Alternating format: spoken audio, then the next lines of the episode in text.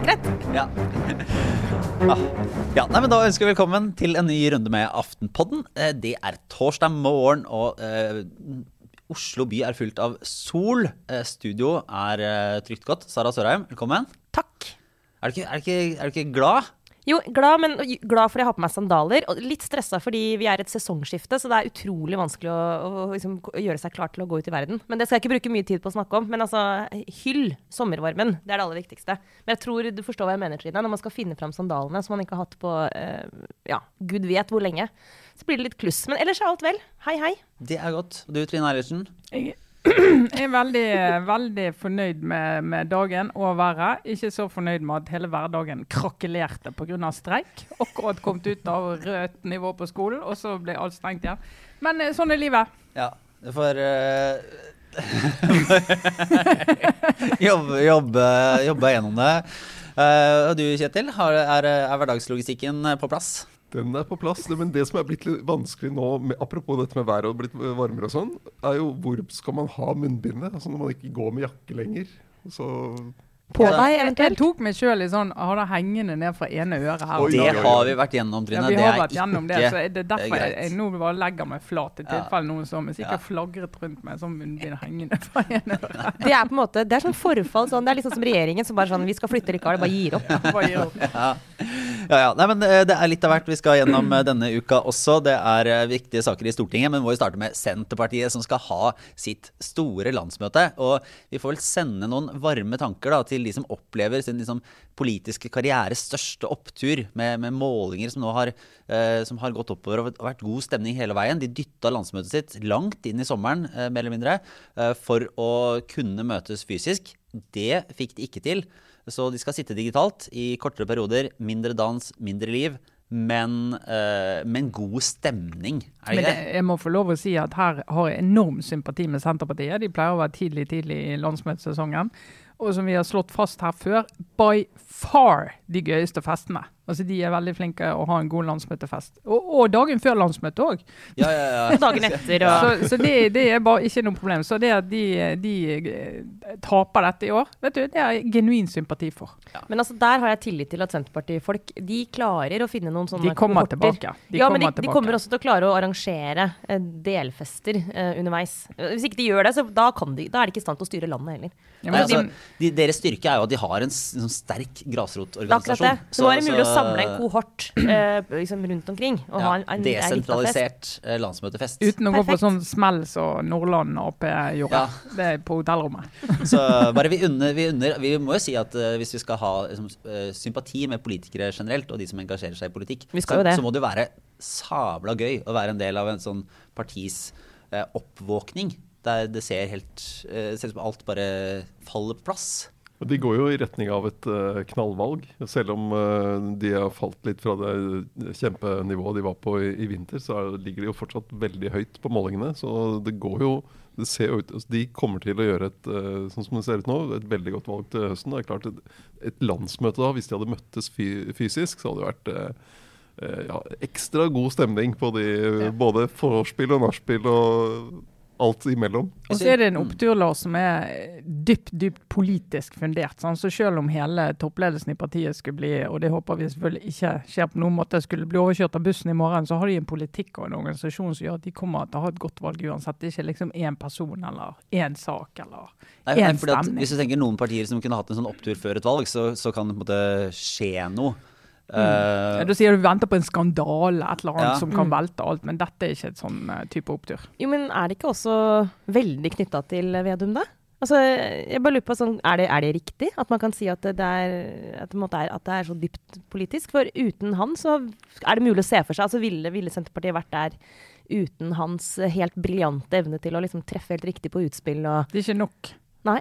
Det er ikke nok. Er det kombinasjonen, da, kanskje? Altså at Ja, ja han klart han er, han er veldig viktig, men uh, uten at det treffer dypt politisk, Nei, så har ikke, ikke, det ikke det holdt i det hele Nei, tatt. for Det er jo interessant å se, og det har liksom falt liksom sammen. altså Senterpartiet kan lene seg på noen sånne hva skal si, makrotrender, som er sånn der elitemisnøye, Eh, altså frykt for at noen, altså storbyene, det ser man jo over mer eller mindre hele verden, eh, får for stor del av kaka. og de, Der har de på en måte troverdigheten.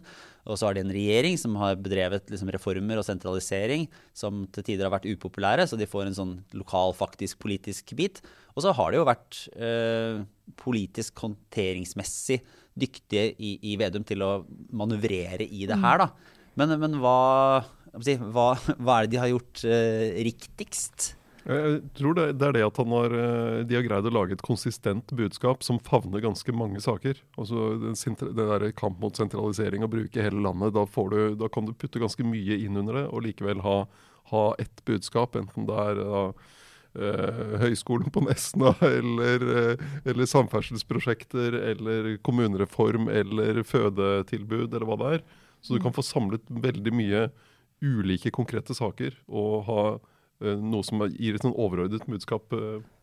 Så kan si, det er jo mye sånn prat om retorikk og, og håndtering, men her ligger det jo liksom faktiske politiske uenigheter til grunn. Altså Regjeringa har gjennomført politikk som man kan være da enig eller uenig med, og, og, og Senterpartiet er uenige. og og det bruker det. Altså Det er ja, ja, reelle prioriteringer. startet med en gang Eh, den nye regjeringen tiltrådte i 2013 og var uenig i de reformene. For de mente at de kom til å ende med sentralisering. Og har jo klart å plukke opp alt ved de reformene som har minnet om sentralisering. Og, og de har hatt uh, Andøya, og de har liksom hatt også forsvar og en del sånn uh, kjempegode saker for de, som handler om at folk der ute opplever at de blir fratatt ting og at det går en sånn jevn strøm av kompetanse og penger til uh, Oslo. Og de har ikke trengt å koste på seg å nyansere det uh, bildet i det hele tatt. Det har, og det har fungert veldig godt. Så tror jeg kanskje det, uh, alt det vi har nevnt nå, i kombinasjon også med at det derre tett på folk, nødvendigheten av at politikere må være tett på dem de er tillitsvalgt for, det tror jeg også har veldig appell. fordi det er jo vanskelig generelt i politikken å uh, alltid treffe med saker som velgerne opplever at faktisk handler om deres liv. Det blir jo nødvendigvis mye overordna, og det er ikke alltid så lett å tenke eller se forskjell på hvis de styrer og de styrer, og hvordan blir det for meg i min virkelighet. Men akkurat det der med at du skal være så tett du kan på folk, det tror jeg veldig mange kan kjenne seg igjen i, fordi det er helt reelt ganske mange ting som har flytta seg langt unna. Ikke bare sånn beslutninger eh, i forhold til Brussel og eh, overnasjonale domstoler og sånn, men sånne helt konkrete ting. Den følelsen av at du ikke lenger tilhører et lokalsamfunn. Eh, den tror jeg liksom, i kombinasjon med alle de makrotrendene, det er et sånt budskap som er veldig lett å, å tydeliggjøre at det, hvis vi kommer til makta, så vil du, en, du vil oppleve en forskjell. Helt konkret, på akkurat det skalaen der. Jeg syns det var interessant å se leste i, i eh, programforslaget så er jo første del av programmet til Senterpartiet dreier seg om liksom nærhet Jeg husker ikke helt hva de har overskriften på, men det, sånn, det handler om nærhet til beslutninger og sånne ting. Da. Mm. Og da har det jo vært såpass mange reformer fra regjeringen at de kan jo velge litt hvem de går inn i. Og da er det liksom det første, og det konkret, er jo da politireformen og den domstolsreformen som, eh, som, de peker på. Det er sikkert andre som Senterpartiet også er imot, men den, der blir jo denne argumentasjonen Det er noe som liksom, lensmannskontoret Og det er en veldig stor eh, debatt, men faktisk politisk prioritering, som de da, som de da går inn og, og sier at det, det, skal man være imot. Men de er jo ikke så tydelige på Det er ikke kommunereformen som var på den første store bølgen i, i, i, um, i den borgerlige regjeringens liv som de går inn og vil gå imot. Så, så det blir jo litt spennende å se hva de faktisk ender opp med å eh, med å endre på. Da. Og så er Det jo fristende også, det, er alltid en kritikk som jeg mener er berettiget nesten mot Senterpartiet, men det er sikkert også litt hakk i plata på det. Men det er jo likevel, jeg må bare si det, at den, altså det blir interessant å se hvor mange saker på landsmøtet som de på en måte går for. Altså, så, sånn liksom positivt lada budskap. da, sånn Vi ønsker å få til noe. For det er jo, det er jo sånn at veldig mye av den suksessen er basert på at de er imot ting som andre gjør. Altså en reaksjonær holdning, da. Eh, det er sikkert mange Senterpartiet som vil protestere mot akkurat den beskrivelsen som at det er reaksjonært, men i sånn at de er imot en del liksom, endringer og andre ting som andre prøver å få til. Og Det er jo liksom grenser for hvor lenge du kan stå i den posisjonen og være imot alt. Du må jo på et tidspunkt være for noe. Og hva er det de er for aller mest, liksom? Det, det er jo altså, så har de jo en, en, fordel på den måten altså politisk. Hvis du tar de andre sakene som f.eks. er veldig vanskelig for Arbeiderpartiet, som miljø, klima og uh, immigrasjon, migrasjon, innvandring. Uh, så typisk er sånn som splitter Arbeiderpartiet veldig sterke følelser i de to sakene. Og det, Der Senterpartiet klarer alltid å manøvrere seg unna de heftigste debattene om de sakene. Og da greier de også å samle til seg en del velgere som ikke liksom er mest opptatt av akkurat det nå, men syns de har et greit standpunkt i det. Eh, på klima er jo de helt ute på, på i Frp-landskapet, og på innvandring er heller ikke langt derfra. Og det er en del konservative velgere, både Høyre og Frp, føler seg veldig hjemme i partiet på grunnlag av det. For det det er distrikt. Det er det som er saken. De har, de, har, gjort noe veldig klare altså, de, har vært mye råere i valgene sine, i hva de vil profilere seg på. Og, og, også politisk sett tilpasset politikken sin hva de tenker kan fungere retorisk. Ikke minst i, i kampen med Fremskrittspartiet, der, de, der mens Frp satt i regjering, eh, Vedum bygget opp en sånn nei til økte avgifter-retorikk og plaget eh, Fremskrittspartiet med det over lengre tid. Selv om Senterpartiet har jo ikke noen historie som et sånn kamp mot avgifter-parti. Det er jo ikke lenge siden uh, Kjersti Tappe kjempet for økt sukkeravgift og økt avgift på sjokolade f.eks. Men nå, mm. nå, ble det en sånn sak de, som Senterpartiet var imot, så de har jo tilpasset seg. Men jeg syns det er verdt å, å, å, se tilbake da, hvor, de, hvor Vedum begynte. Altså, landsmøtet de hadde i Loen i 2013, før valget i 2013. Da var det jo eh, Det var en kjempebra fester der også. Men det var jo et parti som var nesten ned mot sperregrensen. På 3 eh, De var jo på treeren på enkelte målinger. Ja, ja, og så ble det jo etter det valget og de gikk ut av regjering, og det ble en borgerlig regjering, så ble det jo krise. Og til slutt så Liv Signe Navarsete måtte gå av, og Trygve Slagsvold Vedum tok over et parti mm. som var i, med masse indre motsetninger. Så det, det at han har greid å, å bygge, samle det laget og komme dit han er nå, det er ganske imponerende jobb. Altså fra, og det handler jo om led, god ledelse. Så er det interessant bare der fordi at du snakka om klima og hvordan eh, Senterpartiet står der. Men det er jo et tegn på et parti som, som har ganske god, sånn, godt samhold og god ledelse. At, at det, det, er jo noen områder der politikken til Senterpartiet, i hvert fall sånn som programforslaget ligger, ikke er helt tett på retorikken. Altså det, det, er jo et liksom, spenn der. Og, jeg gjorde bare en lille øvelsen og så se på f.eks. På, på alle partiene, eller en, en del av dem, på, på, hvordan de har seksjonert partiprogrammene sine. Uh, og da er det jo tydelig uh, en del prioriteringer, da. Sånn at uh, Arbeiderpartiet starter med arbeid, og så er det velferd. SV har liksom folkets grønne skifte, og så arbeid og velferd. Høyre har å skape mer, altså næring, og så inkludering, og så økonomi. Uh, Frp starter liksom stort sett med forsvar, og så innvandring. Uh, og Venstre starter med kunnskap, og så er det natur. Og så er det jo da Senterpartiet som starter greit nok med lokaldemokrati. Men jeg vet ikke om dere vil gjette på hva som er punkt nummer to? Uh, det var kan det i hvert fall ikke sånn der Nå skal vi skape framtidsbyene. Nei, det er det ikke. men kunne, altså, det kunne jo vært mye forskjellig, men der, der kommer klima. Ja, det er litt overraskende. Sånn at de har jo på en måte, og, og, det som i hvert fall tidligere, nå har jo på en måte verden kanskje beveget seg i mer en sånn si, klimavennlig hva skal man kalle det, retning. da. Så, så, det er jo ikke nødvendigvis så at det er så radikalt. Men jeg tror liksom forslag for forslag så er jo, ikke, så er jo mye av klimapolitikken, eller miljøpolitikken til Senterpartiet eh, tydelig rød-grønn. da.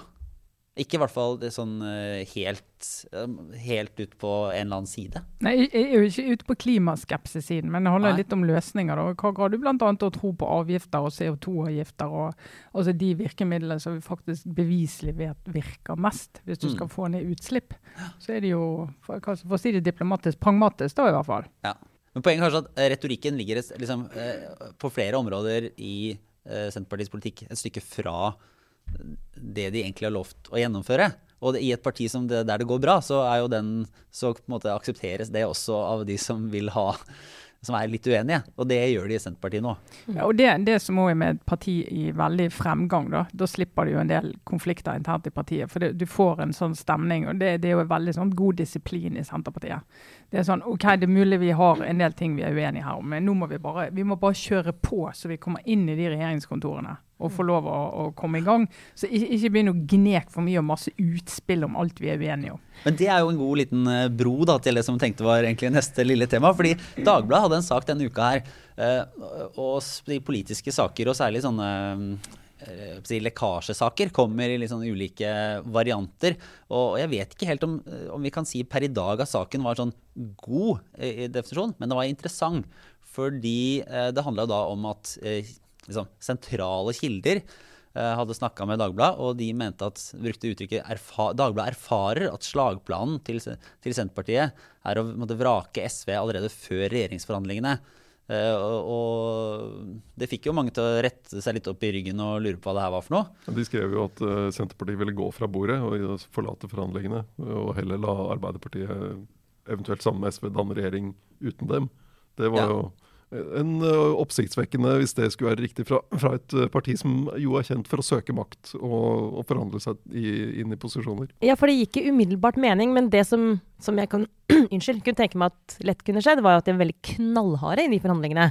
Og kunne true med å gå fra bordet osv. Altså true med at vi vil bare regjere med dere, og hvis SV skal være med, så må de spise uendelig mange kameler. Uh, og Der er jo Senterpartiet gode. De er gode håndverkere, de er gode til å få gjennomslag. Og jeg kan levende forestille meg at et så sterkt Senterparti vil være veldig veldig vanskelige i en sånn forhandling. Men at det skal gå så langt som at slagplanen faktisk skal være å forlate makten. Det virker bare veldig lite realistisk. Altså det, hvordan kan de forsvare å gjøre det hvis de har opp mot 20% av velgerne i ryggen, eh, og bare da ikke søker makt? Men, men altså, ja, vi får se. Det kan jo også være et utspill. Sånn er det noen ganger, da. At det er en et slags en lekkasje eh, som er bevisst planta for å liksom, virke litt høy og mørke. Nå vet ikke jeg om det er tilfellet her, men det er noen ganger man kan lure litt på hvorfor sånne saker kommer ut. Ja, og her var det Trygve Slagsvold Vedum har det kalt det? Dildal? Eller hadde et eller annet uttrykk for å beskrive det som, som var sånn Det her var Det sies litt når du snakker med, med kilder i, i Senterpartiet som, som, sier at det, nei, her er det noen som har prøvd å være veldig smarte. Altså noen som har prøvd å, å skape et inntrykk. Og det er jo derfor den blir interessant, den saken. Eh, fordi at den den jo peker på et av Senterpartiets litt sånn store problemer. Det er jo det at de vil være et eh, sentrumsparti. De, vil, de sier sånn eksplisitt at de vil ha et regjeringssamarbeid med Arbeiderpartiet. Men så er det ikke helt enkelt å forstå hvordan de skal komme dit uten mm. å samarbeide med noen de da prøver å sette til sida. Altså, har, eh, det er jo interessant, spennende selvfølgelig å lese om de, hva forskjellige aviser erfarer med, med, ulike anonyme kilder. Men det er jo også interessant å lese hva Vedum faktisk sier i all offentlighet. Og noe av det han gjorde eh, denne uken i et intervju hos oss, var jo at han pekte på konkrete saksområder som gjør at, som for å vise avstanden til SV. Og, og trakk fram politi, det å være strengere enn det SV vil. Eh, ruspolitikken, eh, innvandringspolitikken, der jo Arbeiderpartiet og Frp gikk sammen med Frp. Nei, Arbeiderpartiet og Senterpartiet gikk sammen med Frp på Stortinget i, i vinter i en konkret sak. Forsvarspolitikken. Uh, og avgiftspolitikken. Og så har Marit Arnstad, parlamentarisk leder, vært uh, ute tidligere og også kommet med sånne konkrete saker. Bl.a. av rovdyr. De vil skyte rovdyr som, som, SV vil skal ta seg rundt i naturen og spise, spise opp sauene til, til Senterparti-velgerne. Sånn at, uh, og det at de nå er blitt så konkrete på hva som er den politiske avstanden, det syns jeg er interessant. Og det, si hvorfor det? Ja, fordi det, det, viser hva Fordi de, det bidrar til å markere at de mener alvor når de ikke snakker om SV. Og det, er, og det kan du eh, Det kan være en taktisk dimensjon her. at de, de det Senterpartiet gjør nå, er at de har hentet over mange velgere fra Høyre og Fremskrittspartiet. Og det, hvis, og det bidrar til at flertallet skifter over til eh, for en ny regjering. Og de må holde på de velgerne. Og det da å snakke masse om samarbeid med SV, det kan gjøre at de skremmes tilbake igjen. Men så, de, når de snakker om, om de sakene, så, så, gjør de det også til å handle om politiske realiteter. Mm. Hvis de kan sitte i en regjering med Arbeiderpartiet, så kan de forhandle med, da, de, med Frp, Høyre, KrF eller hva det måtte bli, som kan danne flertall, om saker der de er mer enig med den siden enn med SV. F.eks. oljepolitikken eller rovdyr eller innvandring. Men jeg så jo Trygve Slagsvold Vedum sa jo i et intervju her, og har jo sagt det tidligere, at um, det høres omtrent akkurat ut som Trine Skei Grande før 2013. Hun snakka om at det vanlige i norsk politikk uh, er like mye mindretallsregjeringer. At det er sånn at det kan man fint leve med, og det kan man forhandle til begge sider og, og gjøre alt det der. Men realiteten for Trine Skei Grande var jo at de etter hvert ville inn i regjering. For de så den posisjonen Altså, De var jo riktignok på utsida, men altså hvorfor, jo, Forskjellen er, er, at Vedum vil inn regjering. Ja. Men han vil uh, ha en de snakker, de, Og det har også uh, Senterpartiet snakket om, Vedum og Arnstad snakket om over tid, at de mener at en mindretallsregjering er helt greit, helt normalt. Mm. De, de, må ikke ha en flertallsregjering. Så, Og alle sentrumspartier lever jo godt med mindretallsregjering. ja, fordi de, har, de, de kan gå til begge sider. Men så er interessant at også her, da, eh, hvis vi ser, og det mener jeg er en veldig interessant akse, altså Arbeiderpartiet mot Senterpartiet, hvordan det hele tiden er sånn at Senterpartiet kommer ut liksom med mer fart fra hoppkanten i en bedre posisjon i veldig mange saker, også her. Fordi at eh, ja, så kan sikkert Senterpartiet forhandle seg fram til hva som helst etter valget. Altså de, eh, det, altså der er, det er fortsatt mange muligheter. Det kan godt hende at de kunne klare å komme til enighet med SV, men akkurat nå, da, sånn som eh, det ser ut, så fremstår de som veldig tydelige, veldig klare, saksorienterte, som du var inne på, Kjetil. Altså saklige, egentlig. Ikke avtale eller avvisende på en kjip måte, men bare sånn det er stor politisk avstand. Mens Jonas Gahr Støre og Arbeiderpartiet nok en gang, ikke sant, de skal favne hele prosjektet og blir utydelige.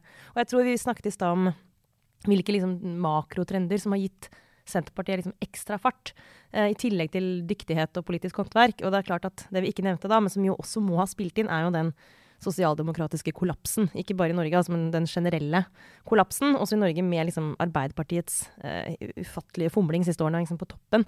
Som jo Jeg kan ikke skjønne annet enn at den posisjonen der, den sterke posisjonen Senterpartiet, er jo også litt eh, kommet som en konsekvens av at liksom, det store partiet Ørnen bare ligger sånne bokser i en ja. Jeg snakket med noen eh, sentralt i Arbeiderpartiet her tidligere eh, som, som sa det at, eh, at de har jo på en måte heid fram egentlig Senterpartiet fordi de har tatt så mange velgere fra borgerlig side.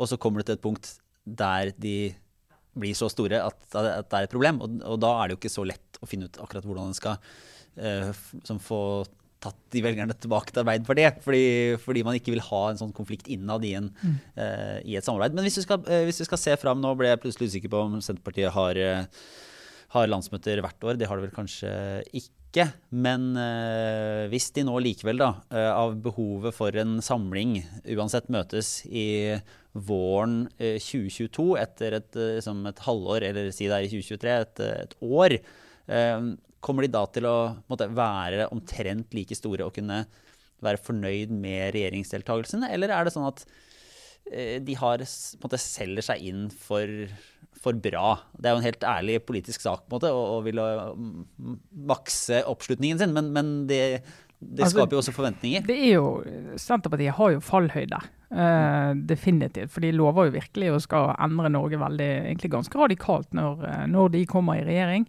Eh, men jeg vil tro at velgerne er tålmodige med dem på den måten at når du kommer til neste vår, så kan de si at altså, den forrige regjeringen satte i gang så mye elleville saker, så vi er nødt til å prøve å snu. At det tar tid før effekten kommer. Så det kan de jo si. Eh, men også er det jo hele denne samarbeidsspørsmålet. Syns jeg også de håndterer klokt. På den måten at de går ikke ut med en sånn Det er helt uaktuelt å regjere med SV. Det gjør det ikke. Noen i partiet gjør det, men det er ikke offisiell eh, politikk, og det tror jeg er veldig smart. De sier at her er forskjellene. Vårt primære ønske er å regjere med Arbeiderpartiet, men de setter, ikke, setter seg ikke i en situasjon som gjør at de er nødt til å godta å bli grisebanket hvis de likevel går i regjering med SV. Altså De vil få kritikk for det, men de vil si ja, men vi har forhandlet frem dette, dette syns vi er så kanonbra. Eh, så det, det står vi for. Jeg tror de nærmer seg en grense der. Altså, hvis de skal være nå enda tydeligere på avstanden til SV, så vil de skape et inntrykk hos en del av velgerne om at de kommer ikke til å samarbeide med SV, men det vil de bli nødt til. Ja. Eh, Enten i regjering eller om budsjett på Stortinget. Så de, de skaper seg en falløyde der. Jo, jo mer de sier av det der med å, for å vise avstanden til SV, jo større blir det problemet. Eller så får de eventuelt samarbeid med, samarbeid med Rødt, da, som på de siste målingene har fått inn eh, nesten var er det, 10-11 representanter. Så da, da er det muligheter der òg. Men du Lars, jeg tror helt sikkert da, uansett hvordan det går med dem i regjering, det vi kommer til å oppleve hvis SV går inn i regjering i løpet av første år eller halvannet, det er at de kommer til å vise fram Nei, unnskyld, Senterpartiet, Senterpartiet, ja. De kommer til å vise fram noen blanke seire. Store eller små. Altså det, og jeg husker så godt tilbake til husker det 2005. Et av de sånn beste sånn, uh, synes jeg, sånn medieutspillene var når, eh, etter at de rød-grønne kom i regjering. Ganske kort tid etterpå så uh, gjenåpnet de en, et friområde på Bygdøy. Husker dere den saken? De tre Ja. partilederne. Ja. Det var en del av Ja, for masse, masse, masse penger. ja, ja. Det var en del av det, altså den stranda som heter Huk. Eh, hvor det var liksom et stort område som var privat. Og så kjøpte de det huset, og så åpnet de opp det. Og så gikk liksom Kristin Halvorsen og Åslaug Haga og Jens Stoltenberg liksom tur i litt sånne lekre halvveis fritidsklær. Og snakket om sånn Vi gir Huk tilbake. Og da var det sånn Vi er en ny regjering. Vi, og det har jeg tenkt mange ganger etterpå. Jeg er jo der stadig vekk. Sånn Fader, det funka! Altså, jeg, fortsatt har jeg meg selv i å tenke sånn Tusen takk, det var skikkelig ålreit gjort. Apropos sånn politikk som er nær folk. De skal Da. nok åpne et eller annet lensmannskontor. Det Det, tror jeg de skal gjøre. Men det, det, det som blir problemet for Senterpartiet, er at det er så høye forventninger til hva de skal levere. Yes. Og når de kommer f.eks. på fødetilbud, men de kommer i, hvis de da kommer i regjering, så er det jo ikke sånn at de, vil jo oppdage at når de drar ut skuffen i Helsedepartementet, så ligger det ikke masse ledige jordmødre der som de kan plassere rundt i, i distriktene. De, problemet er at det er for få. Og hvordan skal du få dem ut? Hvordan skal du få den fagkompetansen der? Og en annen ting, dette med eh, sammenslåtte kommuner og fylker. Hvis du skal begynne å brekke det opp igjen, så får du jo masse problemer med en gang. Bare ta Troms-Finnmark. Noe av det tydeligste løftet de har, er å bryte opp Troms og Finnmark igjen. Og da vil jo ikke Alta være i Finnmark lenger. Og da blir det ikke mye igjen av Finnmark. Nei, da mister Finnmark 20 000 og 75 000 innbyggere hvis Alta sier at vi blir Troms. Men det, men det der er jo et veldig godt poeng, for jeg tror det kommer til å gå kjempefint det første året. Eh, Fordi at Da setter de i gang masse som skal føre til at eh, nå blir Norge sånn som det var i, for lenge siden. Gode gamle dager. Ja, I gode gamle dager. Og så er det jo de, mange av de, Det finnes ikke flere spesial, spesialister til sykehusene. Det finnes ikke flere folk. Og så kan du si ja, men vi må starte utdanning, og det tar tid. Ja, men altså, det sier jo alle. Men velgerne ser jo fremdeles ikke den forskjellen. sant? Så denne med den kompetansen og liksom den der enorme forventningen til at nå skal vi virkelig bare bemanne over hele landet. Vi skal ha tre sykehus i Oslo. Vi skal liksom bare virkelig kjøre på. Eh, Det blir eh, fallhøydene store. Det var jo det de opplevde forrige gang de var i regjering, at det var vanskelig. sant? Og de megatrendene, Og det, er, de er det jo ingen som klarer å snu. og det er da vi kan minne om denne legendariske scenen med Liv Signe Navarsete som møter velger, og hun sier og Navarsete sier 'du veit ikke hva du snakker om'. Og vet du, Det hadde Navarsete så rett. Jeg har aldri hatt mer sympati med Liv Signe Navarsete enn når hun sto der og sa, og sa vi har sittet hele natta, vi har, forhand- vi har, vi har, vi har prøvd og vi har sagt du vet ikke hva du snakker om. Og det er helt riktig. Men nå har Senterpartiet tatt rollen til den aktivisten Ja. som ikke vet hva hun snakker om. Det er jammen meg helt sant. Det er faktisk veldig interessant. Du skal sette Liv Signe Navarsete på dem, skal de få høre.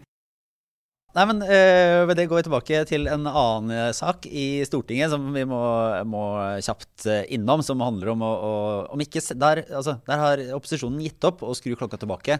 øh, og det er jo ikke snakk om å gjenopprette pelsdyrnæringa, men øh, man skal jo da utvide hele denne kompensasjonsordningen. Gi dem mer penger, da, de som har, har drevet en lovlig næring. Politikerne bestemte seg for at det skal vi ikke ha i Norge. Eh, nå skal de få ikke var det 1,4 milliarder, som regjeringen hadde foreslått, men noe som kan se ut til å bli omtrent 3,4 milliarder. Altså som minst. for å slutte, som, som direkte pengestøtte. Ja, for å slutte å ha Kompensasjon for bortfall av eh, Ja, pelsdyrinntekter. Det, det, er nice. grei, det er grei kompensasjon, Sara. Ja, det, det er, men det er jo, det er jo morsomt med den saken. Dette er jo øh, da, Her slår altså Fremskrittspartiet, Arbeiderpartiet, Senterpartiet, SV seg sammen om denne erstatningen. Og husk at Fremskrittspartiet stemte for avvikling eh, av pelsdyrnæringen, selv om partiet var imot, for det var en del av eh, regjeringsforhandlingene. Oh, ja. Og Arbeiderpartiet stemte mot avvikling av pelsdyrnæringen, selv om partiet var for, fordi de mente at eh, kompensasjonen var for dårlig i det som lå på bordet den gang. Dette er. Venstre, en av, dette er Venstre sin store seier i regjering. Det må vi kunne si. Det må vi kunne si. Altså, det er det Venstres seier i Det er Venstres seier igjen. Den det er den som står igjen.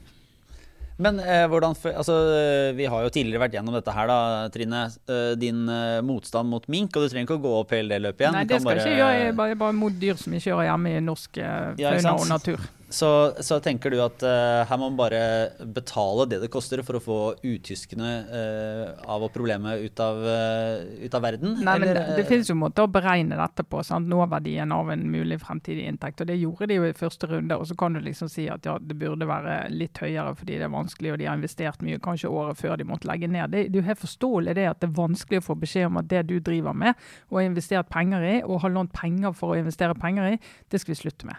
Sånn, sånn at du må ha de fornuftige overgangsordningene. Men akkurat størrelsen på det, virker jo, virker jo eh, raust. Ja, det, det, det, det kan man trygt si. Og det, det som skjedde, var jo da at forrige fredag så kom eh, da innstillingen fra komiteen, og du fikk dette flertallet som ville overkjøre regjeringen og gi eh, en par milliarder mer enn det regjeringen hadde uh, gått inn for. Og så kom da på mandag denne uken, tre dager etterpå, så sender Arbeiderpartiet et brev til uh, landbruksminister Olaug Bollestad og spør uh, er, er det virkelig riktig at dette vil koste 3,4 milliarder kroner.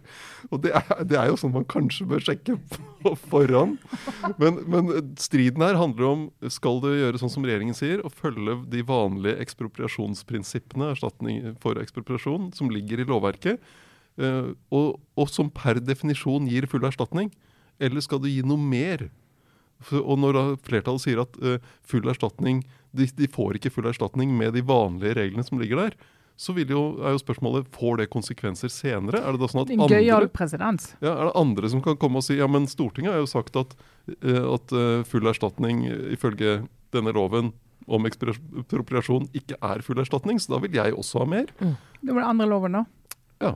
Mm. Så det er, noe, det er, noen sånne effekter av dette i etterkant som kan bli kostbare og interessante. Jeg lurer egentlig mest på, uh, blir det mer eller mindre vill mink altså, etter dette? Skal de slippe alle de minkene ut? nei. nei, nei, nei. nei, Gjøre som i Danmark, og grave dem ned i en grøft. Å, herlighet. Ja, I Danmark har denne saken vært helt sånn passe vellykket. Uh, litt annen, annen type sak. Det var jo pga. korona. Men uh, nei, minken må, må, ikke ut i norsk natur. Men hva skal de gjøre? Fysj, altså... fysj må slakte den. Ja, det er vel bare det man må, da. Ja, Det er jo derfor de har det. De er jo for å slakte de, så det er jo bare ja, altså, å slakte de, de hadde aldri levd lykkelig i alle sine dager, Sara. Det, det, det er ikke Nei, De har sånn- sittet i bur fra de ble født til de ble slaktet. Sånn er det å være mink. Kanskje man kan lage pels av dem? Ja. Så er det noen som rømmer, da. Så noen som rømmer, ganske mange. og Derfor så har vi mink i hele Norge. Og jeg skal ikke engang begynne på hvor feil det er at det finnes mink i hele Norge. Men det er jo en tapt mulighet da i Stortinget i dag. De behandler da erstatningen til pelsdyrnæringen, og så behandler de rusreformen. Og vi husker jo det utspillet fra Guri Melby en gang om pelsdyrnæringen. De kunne jo f.eks. få lov til å dyrke cannabis hvis, man, hvis, man, legaliserte omsetning av cannabis. Så det, det, ble, det var jo ikke aktuelt heller. Da. Det var jo ikke legalisering, men avkriminalisering som regjeringen foreslo. Og det blir det jo heller ikke noe av. Venstre. Da fikk jeg litt sånn Får du, Det skjer noen ganger med meg. Jeg får sånn Å, Venstre, da. Ja, det er moren i deg som på en måte Jeg tror faktisk det. Jeg tror det, er sånn det plutselig kommer en sånn rar følelse. Er, nå ble det bratt. Ja. Det ble mye for dere nå. Ja, ja. Ah, men eh, da tror jeg vi går til eh, Skal vi kalle det et godt, men ubekreftet rykte? Altså Vår ja. klassiske spalte med, med, historier fra politikken som, eh, som faktisk er sanne. Ja. Uh, der, uh, det, er et, uh, altså, det, er et, utdrag, eller en episode som strengt tatt kommer rett fortalt fra en fersk bok, men som likevel gir Altså, Jeg vet ikke om Olaug Bollestad som karakter trenger mer dybde uh, enn det hun har gitt offentligheten uh, de siste åra. Men, uh, men, i en fersk bok så, så, så gir hun det. Hun gir, hun gir, mye. Hun har jo hatt en Instagram-konto der hun bjuder på, må vi kunne si. lenge nå. Og ikke minst bjuder på mannens vegne, da. Ja. Og det gjør hun også i denne boken, som er ført i pennen av eminente Kjersti Mjør. Men der forteller hun om De har jo da åpenbart et ganske så humoristisk, herlig forhold, hun og, hun og mannen. Da forteller hun at eh, av og til når han sitter på do, så kan hun more seg med og fylle en bøtte med isvann og gå inn og helle det over hodet på han. Det, er, det, er, det er ikke et herlig forhold. Altså, det jeg hadde blitt så skilt hvis noen hadde gjort det med meg. At jeg kan ikke engang begynne. Jeg blir irritert bare å tenke på det. Altså, det er bare sånn skilsmisse, verdens raskeste skilsmisse. Snakker to minutter. Men den boken 'Du skal snakke sant om livet', tror jeg den heter. Ja. Som er uh, Bollestads uh, egentlig, jeg tror det er en fortelling om, om hennes oppvekst og, og, alt mulig, og politiske karriere. Hvor hun også og Nå har jo vi som vanlig ikke rukket å lese mer enn overskriftene på en del ting. Vi, vi, vi, er på utdragsnivå. Men det som er, er at hun uh, tar bl.a. et oppgjør med den, den, kristne bevegelsen rundt metoo-spørsmålet. Og, og, og, snakker om egne opplevelser av å bli utsatt for for et seksuelt overtramp eller overgrep av en, en person med makt i misjonen. Og snakker om hvordan det for henne som ung jente var et sånt helt klassisk eksempel på et asymmetrisk maktforhold. Nettopp det som er en grunnlag i hele metoo-bevegelsen, som ble misbrukt, da, og hvor hun ble utsatt for en opplevelse som hun mener at man burde snakke mer om også de kristne miljøene. Og det tenker jeg, ok, det er jo lovlig seint, men det er sikkert, uten at jeg skal eh, påberope meg noe særlig grunnleggende kunnskap om misjonsbevegelsen, så tenker jeg at det der er jo veldig kult at hun går ut, og det, det hørtes ut som om hun visste hva hun snakket om. Hun forteller jo også om en hun kjente som ble utsatt for det samme fra den samme personen, og der saken ble behandlet som en, et utroskapsspørsmål, ja, og ikke, nettopp. Et, et, uh, ikke maktmisbruk. Det er så utrolig interessant. og Hva slags moral er det som blir lagt til grunn? Hva er, liksom, eh, hva er det verste? Å bli skilt, eller å misbruke noen seksuelt? Kan man noen ganger spørre seg om den rekkefølgen har vært helt riktig i bl.a. det miljøet. da. Så det, det hørtes som en, jeg tror det rett og slett hørtes som en god bok. Vi får lese den, da. Men uh, et godt utspill og et godt rykte. Noe mer enn det ber jeg egentlig ikke om fra en bok. Jeg hørte, jeg hørte det, liksom, nå var det komme i Kaldt vann var, er, ja, Jeg håper han har det bra. Jeg tror han har det veldig bra. Ja, det ja, ja, ser ut på Instagram. veldig- ja, ja, men Han, han er med på coveret i boken. Han har vel fått seg en krok på innsiden av en Ja. dodør. han? Ja, altså han, har jo, han stiller i bar overkropp på cover av boken, så dette er en mann som er eh, trygg i og med seg sjøl. Kanskje det er derfor han går i bar overkropp? Fordi han Han blir våt hele tiden. Han bare gitt opp. Ja. Jeg så jo familien Bollestad, kan jo si det da, herr og fru Larkin, som de kaller seg, på elektriske sparkesykler i fri fart gjennom Oslos gater eh, her en dag. Og da kan jeg bare si med hjelm, med hjelm. Men da må jeg bare innrømme at eh, de to der, de gjorde meg så genuint glad. Det var så fint syn. Sånn, hei, jeg, jeg har jo aldri hilst på henne engang, men det var sånn fristende å bare rope sånn, hei, hei. Tenker sånn, det er spre glede. Det er fint. Fortsett med det. Men eh, og det så går vi inn en runde med obligatorisk refleksjon. Eh, hvordan er det med deg, eh, Eilertsen? To, to eh, punkter på listen i dag. ene er en blank anbefaling. De som ikke har sett uh, Mare of East Easttown, som går på HBO. krimserie på syv episoder. Kate Winslet i hovedrollen. De må se den. Fantastisk serie. Kate Winslet gir etterveksten et ansikt, vil jeg si. det- sliten, uh, sliten mor, detektivpolitietterforsker i denne her byen i bakevja. Drap. Eh, og veldig sånn uforutsigbar storyline. Og det er sørgelig, og det er, det er skarpe observasjoner, og det er nydelig skuespill. Og det er virkelig der oppe, så det må, det må alle se. Og så var det et punkt til. Ja, så var det et punkt til. For nå går jeg rundt i verden nå. Jeg er sluppet ut av hjemmekontoret, og da går jeg rundt og tenker er det noe jeg kan irritere meg over? Og det er jo klart at det er. og det ser det, Vi bruker jo sparkesykler eh, med stor eh, entusiasme. Jeg tror det kom sånne regler om at du får ikke lov å være to på sparkesykler. Ikke så mange som bryr seg om det. Elsparkesykler. Og da ser jeg at eh, ofte så er det jo to. Det kan være to jenter, det kan være to gutter, det kan være liksom forskjellig. Men du, men du er, Venninner, men er, du, er du grunnleggende provosert av sparkesykler, eller er du grunnleggende Nei, jeg har, jeg har begynt å bruke det av og til sjøl. Ja. Så jeg er ikke grunnleggende provosert. Jeg syns det er et godt forflytningsmiddel. Eh, men når de er to, da, så for så vidt det er ulovlig, men folk gjør det likevel, så da får jeg mulighet til å observere at når det er en jente og en gutt, eller en kvinne og en mann, så uten unntak så er det han som kjører, og så er det hun som står og holder han ø, rundt magen. Og så tenker jeg ja, men i går kjørte du sikkert med en venninne, og da klarte du å kjøre sjøl. Hva er dette for noe? Det er liksom sånn som alle de damene som nekter å lære seg å kjøre båt. Fordi at mannen kan kjøre båt. Skjønner ikke de at hvis de får bommen i hodet, så, og han faller i vannet, så står de der. De kommer ikke seg til land. Altså, god natt. Av De, de kommer til å Ja. ta mannens eh, etternavn også, hvis de Ja, det er det. Hva er dette? Det er jo gøy å kjøre sjøl. Du får kjøre så ikke du mister selvtilliten. Det er litt koselig å stå sånn og holde en mann rundt livet, da. Ja, men er ikke det koselig å holde en dame rundt livet òg? Det var av Jo, alle, det av så alle sånne Ja, mener- alle kritikker mot sparkesykkelverdenen. Ja. Folk, Så- folk så må mener du- skjerpe seg litt. Så mener du da det skal jo være bøter for de som kjører to på sparkesykkel. Mener du det bør være høyere hvis det er en mann Ja. som kjører og en dame som står Ja, og holder det syns jeg rundt? egentlig er dobbelt så høy. I likestillingens navn er likestillingspolitikk. Hvem skal da straffes? eh, Hvem skal, er det dama som bør få boten? Nei, de bør, det, det bør du faktisk spleise på. For jeg kan godt tenke meg at det finnes en del menn som Nei, det ser så rart ut hvis jeg står og holder på deg. Ja. Altså, det er litt sånn som de som alltid må kjøre bilen. Ja. Ja. sant? Det blir litt sånn, nei, jeg føler ikke, det, det blir liksom litt for mye femininisering. Men altså, vi er ikke likestilt i dette samfunnet før damer står foran på sparkesykkelen. Ja, men, men det er altså en, en, et symptom. Ja, jeg er enig. Eh, Åssen er det med deg, Sara? Jeg går og kjenner på en uh, liten spenning i kroppen. Uh, nå er vi jo inne i frigjøringsukene. Uh, Jun-mai-dagene 2021. Så nå er det juni. Men altså, nå er Oslo gjenåpna. Beklager til alle dere som nå sitter i lockdown, som kanskje hører på, men altså, vi er åpne. Og det jeg lurer på nå, jeg føler at det er en sånn noen uker fremover i tiden nå, hvor det står og vipper litt. Det som jeg tenker at egentlig er som en sånn stor, ganske ja, en enorm egentlig, kulturkrig mellom de som har hatt walkover siste halvannet året, siste året, nemlig regelrytterne, de Ja. rigide folka, og de andre La oss kalle dem slash oss. Eh, liberalistene, eller noe sånt noe.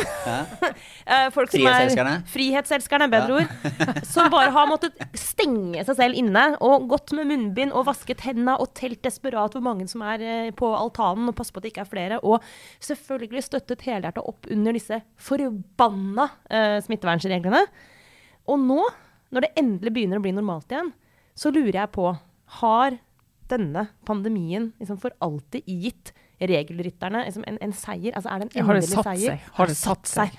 Og fordi du merker folk allerede nå. Jeg tror mye, Det er noe motstand mot den gjenåpningen som jeg tror skyldes at det blir så komplisert. Altså jeg tror noen mennesker har trivdes faktisk Mm. bedre enn man skulle tro med reglene. Og som de karantenehotellene, f.eks. Altså, det er bare så vanvittig inngrep i folks liv. Altså, det er helt sjukt at vi har de karantenehotellene. Ja, så er det nok riktig smittevernsmessig, men dette intense raseriet som enkelte har klart å oppvise mot folk som bare bommer litt, eller som ikke helt har skjønt at de Altså, det er jo Ja, dere vet alle de der, de skam, de der skampålagte oppgjørene Ja, med folk som bare ikke har vært helt smittevernsmessig 100% Har det satt seg? Vinner de? Eller kommer det et sånt kjempe-backlash nå, hvor vi liksom går helt i andre retningen? Hvor det bare blir liksom evig russetid og fri fest, og folk ligger sammen i parkene og Ingen som vasker hendene lenger. Ja. Og, Nei, men Skjønner du hva jeg mener? Ja, ja, Jeg men, det men, jeg, skjønner. Men liksom. det er, det er jo litt interessant, for jeg tenker at det en ting er at det er, det er, en kamp mellom grupper i samfunnet. da. Ja. De, som du sier, regelrytterne, frihetselskerne. Eh, Men så er det også en kamp innad i eh, de av oss som ligger sånn mellom. Ja. Som jeg kjenner jo det er jo på en måte en, en kamp En i indre kamp, Ja, ja. river i kroppen. ja, som er sånn Skal jeg, skal jeg følge, være sånn regelrytteren, eller skal jeg eh, leve fritt? Ja. Og, og der er jeg bekymra på samme måte, liksom. At, at regelrytteren i meg har endra seg etter det året her. Du, du er blitt en kjipere person. Ja, slett. at det var sånn, okay, at, at det var litt for på en måte, viktig å følge de reglene. Eller at det Ja. blir for strengt på det. Og så kommer du til å sitte sånn, og så blir jeg en, en kjipere, kjipere versjon Ja, for det dette har vist dette året her, eller halvannet året, er jo at liksom veien til eh, helt sånn der, eh, diktatur er veldig veldig kort. Altså den, Det liberale, frie samfunnet er hardt tilkjempet. Det skal utrolig lite til. Altså, for, før liksom folk bare klakkerer seg inn i eh, Og bare helt frivillig gir bort liksom frihetene sine. Bare fordi jeg tror av en eller annen grunn at det liksom for menneskesinnet er litt deilig med firkanta regler. At de liksom Men søker så fort her har jo jeg da på en måte fått hjelp eh, rekende inn fra sida til dette oppgjøret med meg selv.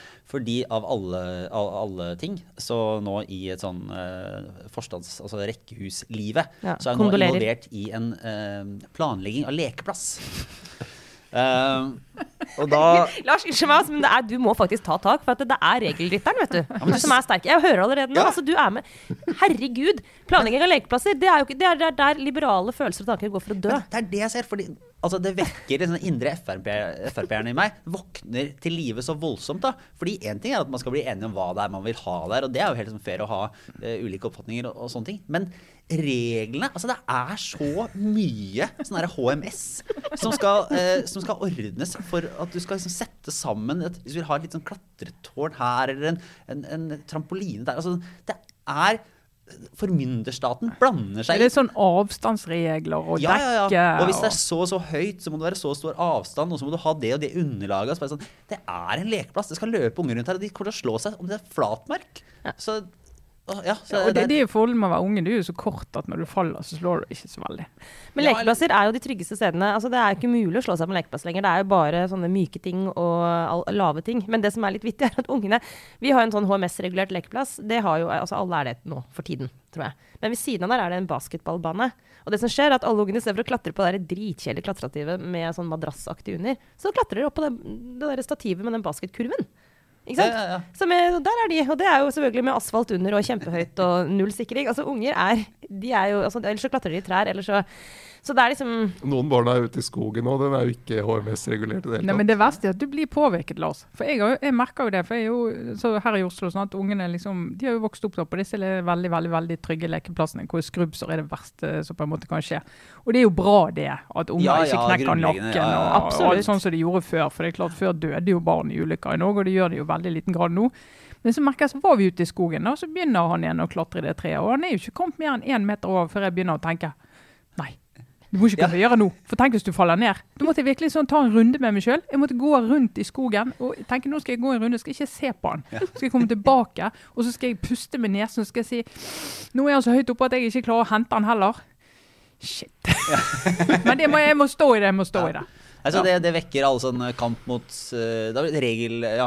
Og, og man må jo selvfølgelig, selvfølgelig følge disse reglene, for det er jo det slitsomme. Men, uh, men uh, jeg, jeg, forstår at var det Per Sandberg sa at sin sånn politiske vekkelse var i møte med en eller annen sånn reguleringsplan fra kommunen for å bygge en garasje. eller Sånn sånt. er det mange som har det. Lars. Altså, ja, Det er så, der det begynner.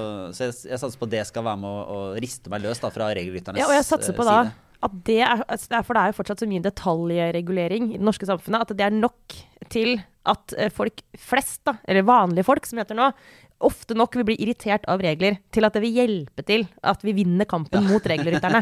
Skjønner du? sant? Så her er Så reglene blir sin egen fiende. Reglene blir sin egen fiende, og de, de taper som Romerriket. De, det, er liksom, de, bare smuldrer opp innenfra. Eh, det er mitt Fortell eneste håp. Liten regelanekdote fra strandsonen. En eh, tidligere kollega av meg som drev og med, hadde masse byggeprosjekter på si. Og du fikk ikke lov å gjøre noe, og du får ikke gjøre noe endringer i strandsonen. Så han hadde sånn fast takt. Hvis han hadde få, har lyst til å sette inn vinduer i et nøst, så søkte han kommunen om å få lov å fjerne vinduene i nøstet. Og så fikk han nei til det. og så satte han inn vinduene. Han har runda av livet. Ja, han, han var bare så rutt på det der. Så han, nei, men det der er ikke vanskelig. Bare søke om å få fjernet vinduene. Så, ja, men det er jo ikke vinduer der. Nei, men det vet jo ikke de. Og så Ja, ja. Nei, så det, det blir, ja, den, store, store, den store kulturkampen er, er Ja, og det er- avgjøres, det slaget, det står nå. Så her ber jeg alle om å bare huske på at ja, vi kan holde smittevernet, men bare, vi må ikke bli firkanthoder. Det går ikke. Nei, det, det går ikke. Kjemp imot. Ja. Hvordan er det med deg, Kjetil? Jeg har vært på kino. Er du på kino? Ja. Kulturmenneske. kulturmenneske. Ja, ja. ja det passer veldig fint opp mot eh, Senterpartiets landsmøte også. Vi har vært på en, en sakte western. Eh, Av uh, skal vi se, Kelly Reichardt, heter hun som er regissør. Uh, First Cow. Ja, den, ja, den uh, Ja, det er eh, fra tidlig 1800-tall. eh, veldig lurvete, skitten eh, gjeng med folk som eh, prøver å finne lykken i skogene i Oregon. Og så kommer da til dette stedet, så får de sin første ku. Og det blir eh, melkeslang og, og fanteri. Veldig fin, eh, fin sakte eh, western. Ja, jeg elsker western. Og for de som ikke har sett Deadwood, også på HBO, tre sesonger med western. Herlig, altså. Ja. Jeg hater western, men jeg likte Deadwood. Så det, ja, den var fin.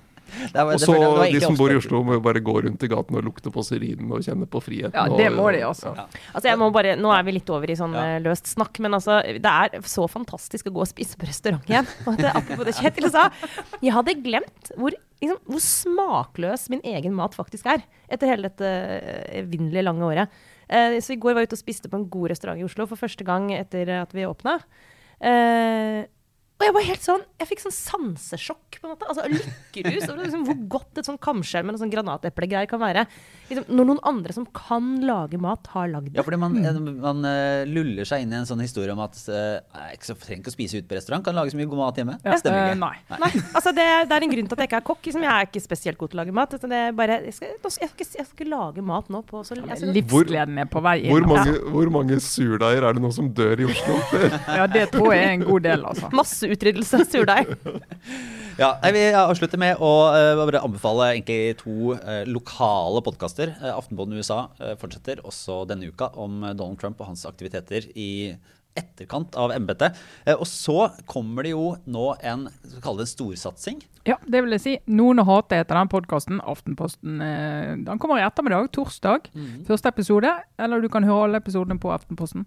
Men den handler rett og slett om eh, 22. juli. Ikke historien om 22. juli, men tankegodset som lå til grunn for 22. juli. Og hvordan det tankegodset har levd videre, og hvordan eh, Philip Manshaus og andre har plukket det opp. Og virkelig, disse som har jobbet med det, har virkelig gått inn i de mørke rommene på nettet for å finne ut av det. altså. Så vi avslutter med en eh, liten trailer for den. og håper alle hører når det kommer, både første og alle de påfølgende episodene. Det var Aftenpåden. Ha det bra. Jeg heter Marlund Viktorsen, og ti år etter 22. juli skal jeg ta deg med inn i en internettkultur som hyller Anders Behring Breivik, og som radikaliserte Philip Manshaus. Altså, kom kan passe hva du vil der. Det er grovt, ass. Ah, nå får jeg skikkelig ekkel følelse i magen. Det skjedde liksom bare noen meter unna oss. da. Var ikke ski for å skru på capslocken, liksom. Oi, nå mister jeg Philip. Det føles litt rart å spille denne konserten i dag uten å nevne det som skjedde i Bærum i stad. Jeg våkner opp til en melding om at det er Philip som har gjort det. Noen å hate, en dokumentarserie fra Aftenposten. Kommer torsdag 3. juni. Hør den i ukene framover der du hører podkast, eller hør alt med en gang på ap.no skråstrek hate. Jeg syns dette er veldig trist. Jeg har på en måte mistet eh, to unger.